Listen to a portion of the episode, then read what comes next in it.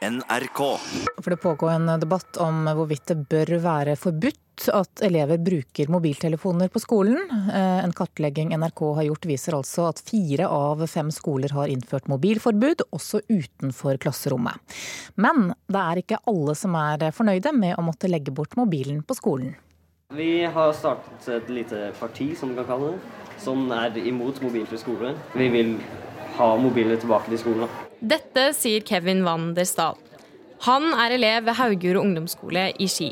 I høst så ble den skolen mobilfri, og det var det ikke alle som var like fornøyde med. Kevin han leder en gruppe på rundt 50 ungdommer ved skolen, som kaller seg selv Folkets autoritet. Målet det er å få mobiltelefonen tilbake i lomma og tilbake i skolehverdagen. Mobiler er en uh, stor del av ungdommen her i dag, den nye generasjonen, som vi liker å kalle det. Og da, vi syns vi burde kunne ha mobilen, da, for det, vi bruker det til ganske mye forskjellig. En mobilfri hverdag på Haugordet skole, det vil si at elevene hver morgen leverer fra seg mobiltelefonene sine. Mobilene de låses inn i et skap, eller et mobilhotell, som skolen liker å kalle det. Rektor ved Haugordet skole, Katti Anker Theisberg, forteller at mobilfri skole ikke handler om å straffe elevene, men om å gi elevene et trygt og godt læringsmiljø. I undervisningssituasjonen så hadde ikke læreren kontroll på dem. Så enkelt var det. Eh, veldig forstyrrende, og vi vet at eh, det krever en del oppmerksomhet for å være i posisjon til å lære. I friminuttene så Nei, de satt mye for seg sjøl med nesa nedi skjermen. Men Haugjordet er på ingen måte unike. I høst sendte NRK ut et spørreskjema om mobilbruk i skolen til rektorer på alle barneskoler, ungdomsskoler og videregående skoler i Norge. 1070 rektorer svarte på undersøkelsen, og av dem svarte 80% at de har et helt eller delvis mobilforbud på sin skole. Og på en annen skole, Eknes ungdomsskole i Krokstadelva, kommer elevene inn i klasserommet. De legger fra seg mobilen sine i hver sin navngitte lomme i mobilhotellet før klassen faller til ro. Ok, dere. Da må dere være stille. Elevrådet på Eknes var sammen med FAU involvert i prosessen da det ble innført mobilfri skole. Elevrådsleder Elise Larsen forteller at det var mange som syntes det var kjipt i starten, men at elevene har blitt mer sosiale etter at mobilen ble tatt fra dem i skoletiden. På starten så var det veldig stor motstand, og de ville jo ikke det her og syntes det bare var teit. Eh, men på slutten, så, eller videre i utviklingen, da, så har det gått veldig bra. Og de fleste er veldig positive da, og sier at eh, vi har blitt mye mer sosiale enn det vi var. Og vi blir mye mer ja, sammensveisa som klasse og som skole, syns jeg, da. Reportere her var Kaja Andreassen og Oda Ruggesæter Ertesvåg. Trond Markussen, president i NITO, Norges ingeniør- og teknologinstitusjon, god morgen. God morgen, god morgen. Dere i NITO er ikke overbevist om at et forbud mot mobiltelefoner i skolen er løsningen. Hvorfor ikke? Vi er overbevist om at man skal være tydelig og bevisst i forhold til mobiltelefoner, men forbud har vi liten tro på. Og grunnen til det, det er rett og slett det at eh, vi lever i en digital hverdag. Digitale system og verktøy omgir oss hele tida. Mobiltelefon, eller smarttelefon, er jo et digitalt verktøy som vi har veldig mye glede og nytte av. Og da syns vi det er veldig synd at eh, skolene, som en viktig læringsinstitusjon for trygg og riktig læring, gir ifra seg den fantastiske muligheten til digital dannelse og etikk. Lære barn og unge hvordan forholde seg til mobiltelefoner. Det kunne sannsynligvis både du og jeg hatt god nytte av også. Men Hva taper elevene da på å legge bort mobilen noen timer om dagen? De bruker den jo så mye ellers.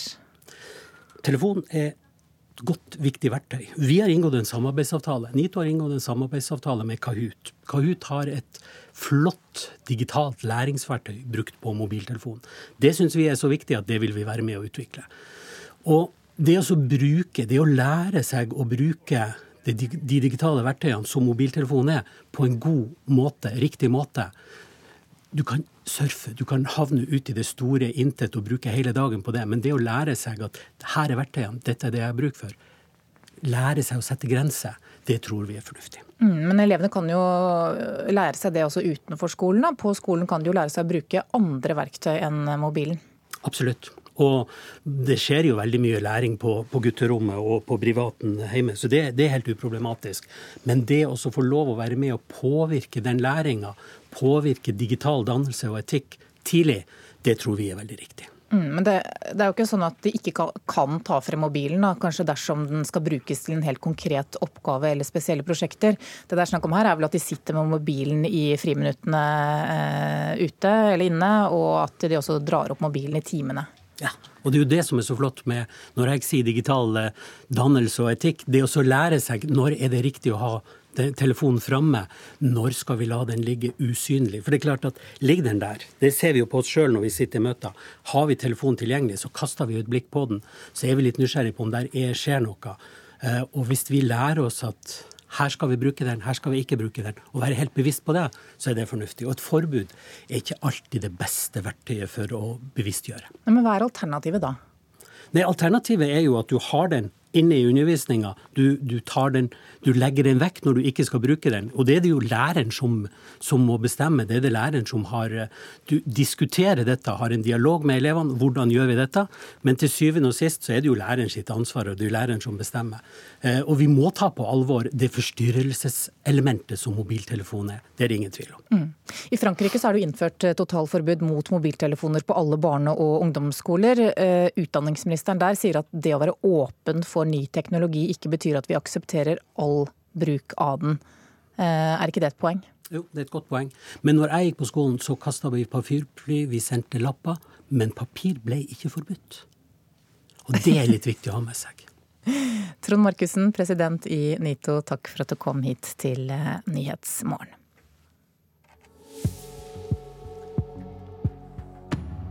Hvem ga fra meg? Hils drømmene fra meg. Ja takk. Ja, stemmen vi hører her, den eh, tilhørte skuespiller Nils Reidar Utsi, som døde på nyttårsaften 75 år gammel. Utsi var kjent eh, fra bl.a. filmen 'Veiviseren', og kulturreporter Knut Øyvind Hagen, det kommer mange reaksjoner på dødsfallet. Ja, både familien og kunstnerkretser uttrykker sin sorg.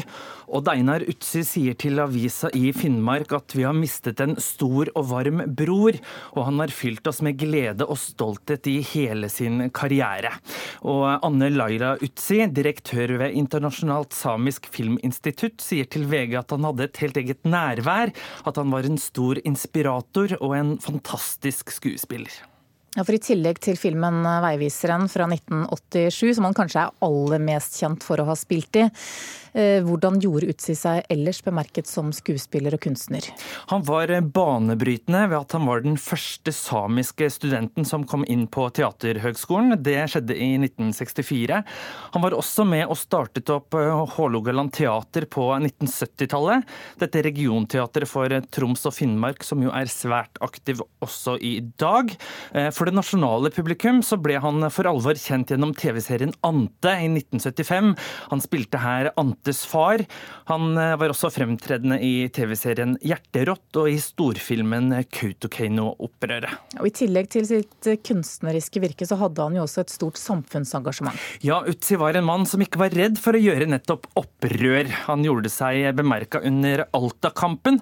Han ble som demonstrant fjernet fra området Stilla tre ganger, og ble førstemann til å stilles for retten.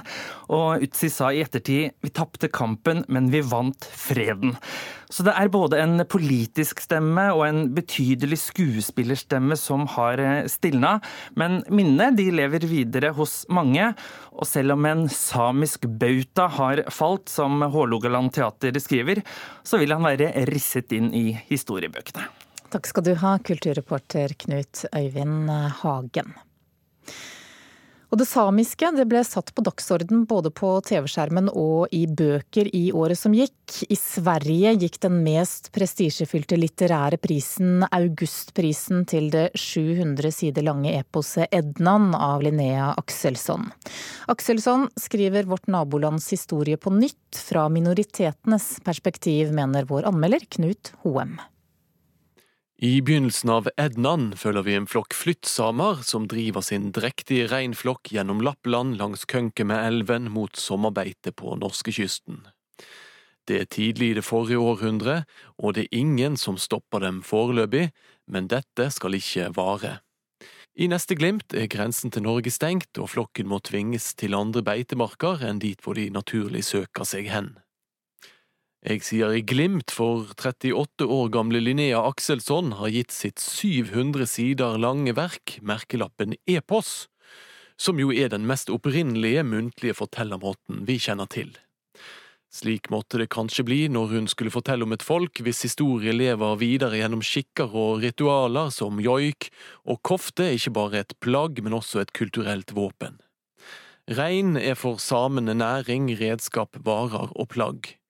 Ingenting går til spille, men ingenting av denne bærekraftige ressursbruken blir verdsatt når det svenske statlige energiselskapet Vattenfall kommer nordover for å legge elven i rør og utvinne malm fra fjellene. De siste glimtene vi får, stammer fra 2015, når den sosialdemokratiske flodbølgen har trukket seg tilbake.